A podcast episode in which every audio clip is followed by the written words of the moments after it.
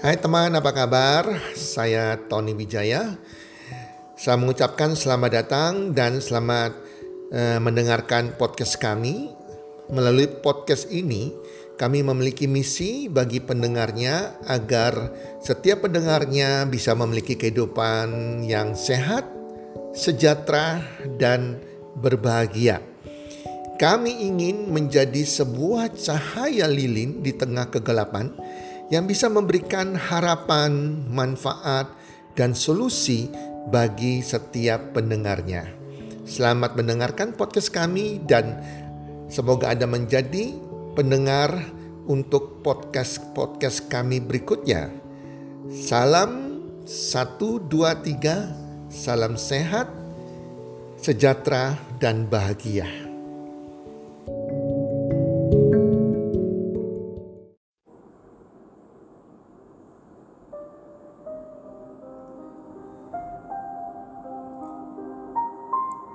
Enam aset yang bisa menambahkan kekayaan Anda. Hai para pendengar podcast di mana pun Anda berada saat ini, apa kabar? Harapan dan doa saya semoga teman-teman semuanya bersama keluarga dalam keadaan sehat walafiat dan berbahagia. Dan makin hari pastinya makin bertambah rezekinya dan makin bertambah sukses dari hari ke hari dan bulan ke bulan. Para pendengar podcast, di kesempatan ini saya akan men-sharingkan enam aset yang dibutuhkan untuk menambah kekayaan Anda. Setiap orang pasti kepingin kaya. Setiap orang juga pasti kepingin bertambah kekayaannya. Maka kali ini saya akan share ada enam aset yang bisa Anda miliki untuk membuat Anda menjadi kaya dan bertambah kaya. Yang pertama adalah aset bisnis.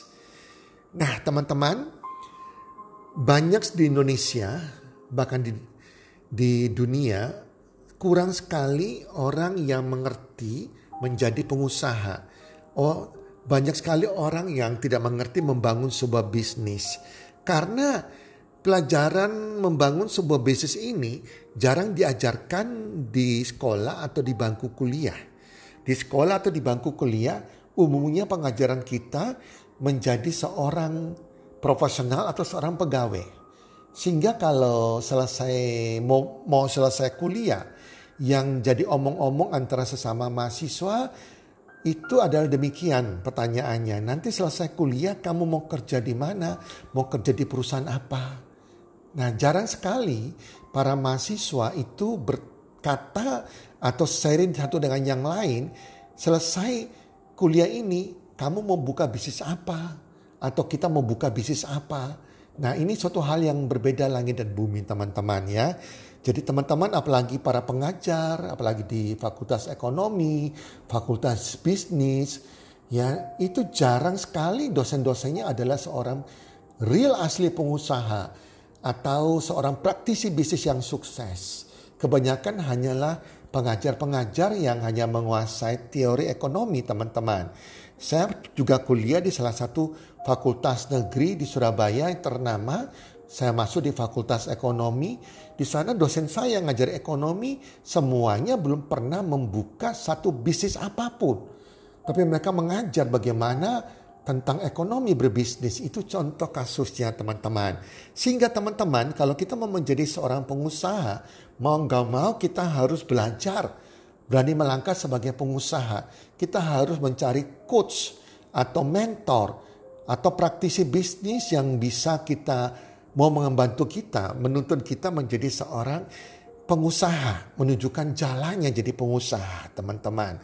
Nah, itu penting sekali seorang coach, seorang mentor, teman-teman. Nah, teman-teman, kalau Anda bisa membangun sebuah bisnis, bisnisnya makin hari makin bertambah besar, dan memang ada faktor risikonya bisnis akan gagal teman-teman ya. Tapi saya bicarakan kalau bisnisnya sukses dan kemudian Anda menciptakan sebuah sistem dan bisnis ini punya jaringan di mana-mana. Maka bisnis ini akan menghasilkan sebuah aset, akan jadi sebuah aset.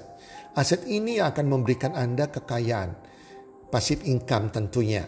Seperti contohnya bisnis para konglomerasi, para konglomerat Indonesia bisnis pengusaha-pengusaha yang punya bisnis franchise di Indonesia maupun di dunia teman-teman. Itu contohnya. Nah yang kedua, aset kedua adalah aset real estate. Nah teman-teman sama juga di bangku kuliah kita tidak pernah diajarkan tentang menjadi pebisnis real estate, bagaimana menjadi pengembang, bagaimana berbisnis properti, bagaimana bisa memiliki properti dengan tanpa modal. Kita nggak pernah diajarkan hal itu teman-teman. Ya makanya banyak sekali orang-orang tidak tahu caranya memiliki rumah walaupun mereka sudah lulus, sudah kerja, sudah menikah. Ya sehingga akhirnya sampai tua mereka belum bisa memiliki sebuah rumah. Seharusnya kalau kita bisa memiliki rumah sendiri, ada keuangan kita, kita bisa membeli properti kedua, properti ketiga. Nah properti ini itu akan menjadi aset karena harganya akan naik dari tahun ke tahun. Makin lama makin naik teman-teman. Khususnya di Indonesia itu pasti masa depan properti masih tetap cerah teman-teman. Ya, lain berbeda dengan negara-negara yang negara-negara maju yang di mana penduduknya itu sudah tidak bertumbuh lagi. Banyak penduduk-penduduk usia tua, usia mudanya tidak bertambah, maka propertinya akan stagnan. Harganya tidak akan naik, bahkan cenderung turun teman-teman. Tapi di Indonesia usia milenial itu kurang lebih 60% teman-teman dan penduduk kita banyak sekali. Banyak penduduk yang belum memiliki rumah sendiri teman-teman. Maka ke depannya di Indonesia properti ini masih masih punya potensi. Jadi teman-teman kalau Anda punya uang lebih, Anda bisa bermain di properti. Anda bisa membeli properti Anda, Anda bisa sewakan properti Anda sehingga menambahkan penghasilan Anda teman-teman penghasilan pasif dari properti Anda sewakan, properti Anda buat kos-kosan teman-teman. Nah yang ketiga, aset ketiga adalah logam mulia atau emas batangan. Bukan perhiasan emas ya teman-teman, tapi ini adalah logam mulia emas. Logam mulia ini adalah aset, tapi ini adalah aset bukan aset yang diperjualbelikan begitu. Ini adalah aset untuk hedging, untuk pelindung nilai kekayaan Anda. Contohnya, kalau Anda taruh uang rupiah Anda di deposito, maka Anda akan dirampok oleh inflasi. Karena bunga deposito itu sangat kecil sekali. Lebih tinggi tingkat inflasi daripada bunga deposito. Sehingga nilai uang rupiah Anda makin tahun makin menyusut. Artinya nilai uang Anda makin berkurang dirampok oleh inflasi. Sehingga kalau orang cerdas smart, dia akan pindahkan depositonya itu ke emas, di hedging ke emas, dilindung nilainya dengan logam mulia. Karena logam mulia ini adalah anti inflasi. Jelas teman-temannya, maka terjadi inflasi di Indonesia, ya logam mulia akan tetap naik teman-teman. Itu bagusnya logam mulia teman-teman. Dari zaman Nabi dulu sampai sekarang teman-teman tidak pernah berubah. Nah teman-teman bahkan logam mulia ini kalau saya sarankan anda jangan langsung jual. Anda mulai menabung logam mulia, setiap bulan sisihkan penghasilan Anda, berapa persen belikan logam mulia, rutin setiap bulan. Sehingga ini sampai hari tua Anda, Anda simpan sampai hari tua Anda. Dan ini akan menjadikan keamanan di hari tua Anda. Yang Anda akan wariskan ke anak-anak Anda kalau Anda meninggal nantinya. Nah logam mulia juga bisa di hedging untuk menggantikan beli properti. Karena kalau Anda beli properti, Anda belum ada uang kontan, Anda beli properti dengan cara cicilan, cicilan lewat KPR atau apa pun lewat perbankan, entah 15 tahun, 25 tahun teman-teman, itu jangka panjang sekali. Betul, cicilannya misalnya kecil 5 juta per bulan, ya. Uang mukanya 30% misalnya, tetapi hati-hati terlalu lama jangka panjangnya, jangka pa waktunya terlalu lama 25 tahun misalnya 15 tahun teman-teman, itu banyak resiko ke depannya yang tidak tidak kita sadari teman-teman. Ini berbahaya. Mungkin Mungkin ke depannya kita nggak pernah tahu apa yang terjadi, tiba-tiba kita sakit atau perusahaan kita bangkrut, kita di PHK atau banyak hal yang faktor yang ketidakpastian di depannya teman-teman. Sehingga pada waktu ke depannya tidak pasti itu Anda tidak bisa membayar cicil properti Anda, teman-teman, ini berbahaya. Tiga bulan Anda nggak bisa membayar, enam bulan maka properti Anda akan disita oleh bank, akan dilelang oleh bank. Ini maka Anda akan rugi sama sekali. Uang Anda yang sudah Anda cicilkan ini bisa-bisa hilang teman-teman ya jelas ya. Jadi saran saya kalau saya mengajarkan di dalam komunitas kami ya mau beli properti oke okay, karena ketidakpastian ke depan cicilannya per bulan itu Anda rajin menabung belikan emas rutin. Anda kata cicilan properti setiap bulan 5 juta. Anda belikan emas 5 juta setiap bulan. Terus 5 juta.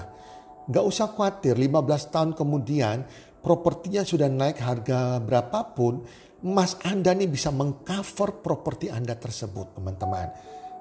Yang jelas Anda terhindar daripada ketidakpastian masa depan, Anda terhindar dari kemacetan suatu waktu kalau tidak bisa membayar properti, teman-teman. Oke, kita bicara aset yang keempat, yaitu aset digital. Teman-teman yang lahir sebelum tahun 1980 itu pasti kurang tahu tentang teknologi, tentang internet, sehingga banyak yang kurang paham tentang aset digital ini. Tetapi teman-teman yang lahir setelah era 1980 ke atas, mereka ini mengetahui benar tentang aset digital. Karena hidup mereka sudah lahir sudah ber, ber apa berhubungan dengan internet sudah menjadi hal biasa internet bagi mereka teman-teman. Aset digital tuh misal contohnya kita bisa menjadi youtuber. Ya anda lihat banyak youtuber youtuber top itu itu menciptakan aset mereka menambah kekayaan mereka dengan menjadi youtuber atau di Instagram menjadi influencer teman-teman ya Nah, di sini ini contohnya teman-teman, aset-aset yang berkaitan dengan digital atau juga mereka bisa uh, menginvestasikan di cryptocurrency. Contohnya kayak Bitcoin ya teman-teman ya.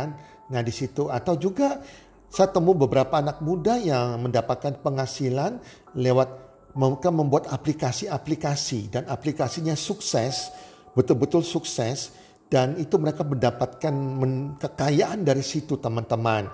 Nah, contohnya misalnya ya mereka buat aplikasi dan orang aplikasi aplikasi mereka berhasil, jadi orang hanya membayar satu dolar contohnya per bulan untuk memakai aplikasi mereka. Kalau ada 10, 10 ribu orang teman-teman yang memakai aplikasi mereka, sudah kelihatan mata 10 ribu US dollar per bulan. Betul kelihatan cuma satu dolar menggunakan aplikasi mereka.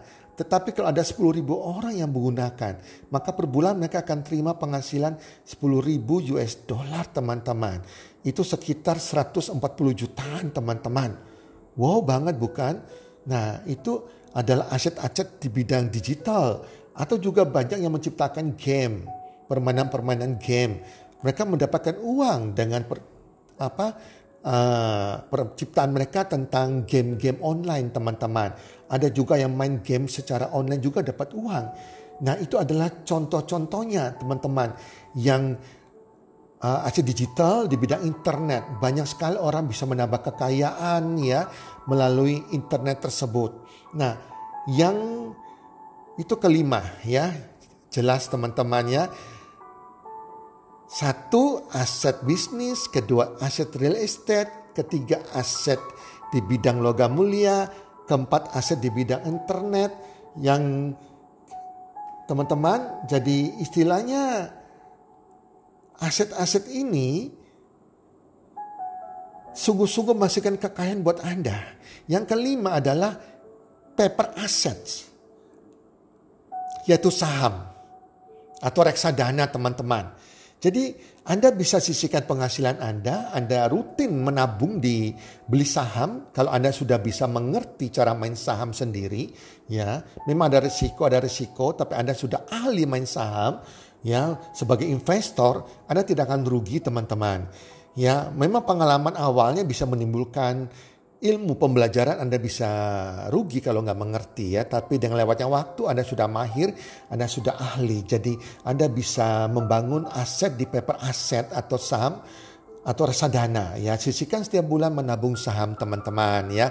Itu akan menghasilkan orang bilang kekayaan menambah kekayaan Anda melipat gandakan keuangan Anda. Atau Anda tidak mengerti main saham Anda serahkan kepada fund manager beli reksadana mereka biar mereka yang mainkan ya uang Anda untuk beli kesaham teman-teman ya. Tapi saya pribadi lebih suka uh, uang saya saya kelola sendiri bukan serahkan ke orang yang tidak kita kenal, even fund manager sekalipun. Jadi itulah sebabnya kita perlu pengetahuan. Itu adalah lima aset teman-teman. Ibarat kendaraan. Kendaraan yang yang bisa membawa kita kepada kekayaan teman-teman. Tetapi sekali lagi ada aset keenam yang terpenting yang bisa membuat lima aset ini jalan. Yaitu aset keenam yang terpenting adalah practical intelligence.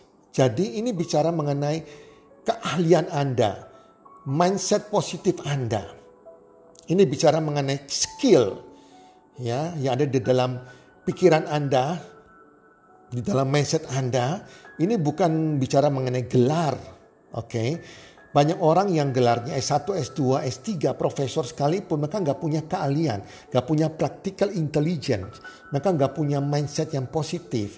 Nah di sini adalah bicara mengenai aset yang bisa melihat kemampuan, melihat situasi, kemampuan untuk menciptakan sebuah ide, kreativitas, kemampuan untuk melihat sebuah masalah, mencari solusi, jalan keluar dari masalahnya, kemampuan untuk memutuskan. Nah ini teman, yang penting sekali teman-teman. Kalau Anda punya aset yang keenam ini teman-teman, maka aset-aset yang lain itu akan mudah Anda gapai teman-teman. Nah itu teman-teman dari saya sharing tentang enam aset yang bisa menambahkan kekayaan Anda yang kita harus miliki dalam hidup kita. Anda bisa punya satu, dua, tiga atau punya seluruhnya. Semoga yang saya bagikan kali ini bermanfaat bagi Anda semuanya dan salam sukses. One, two, three.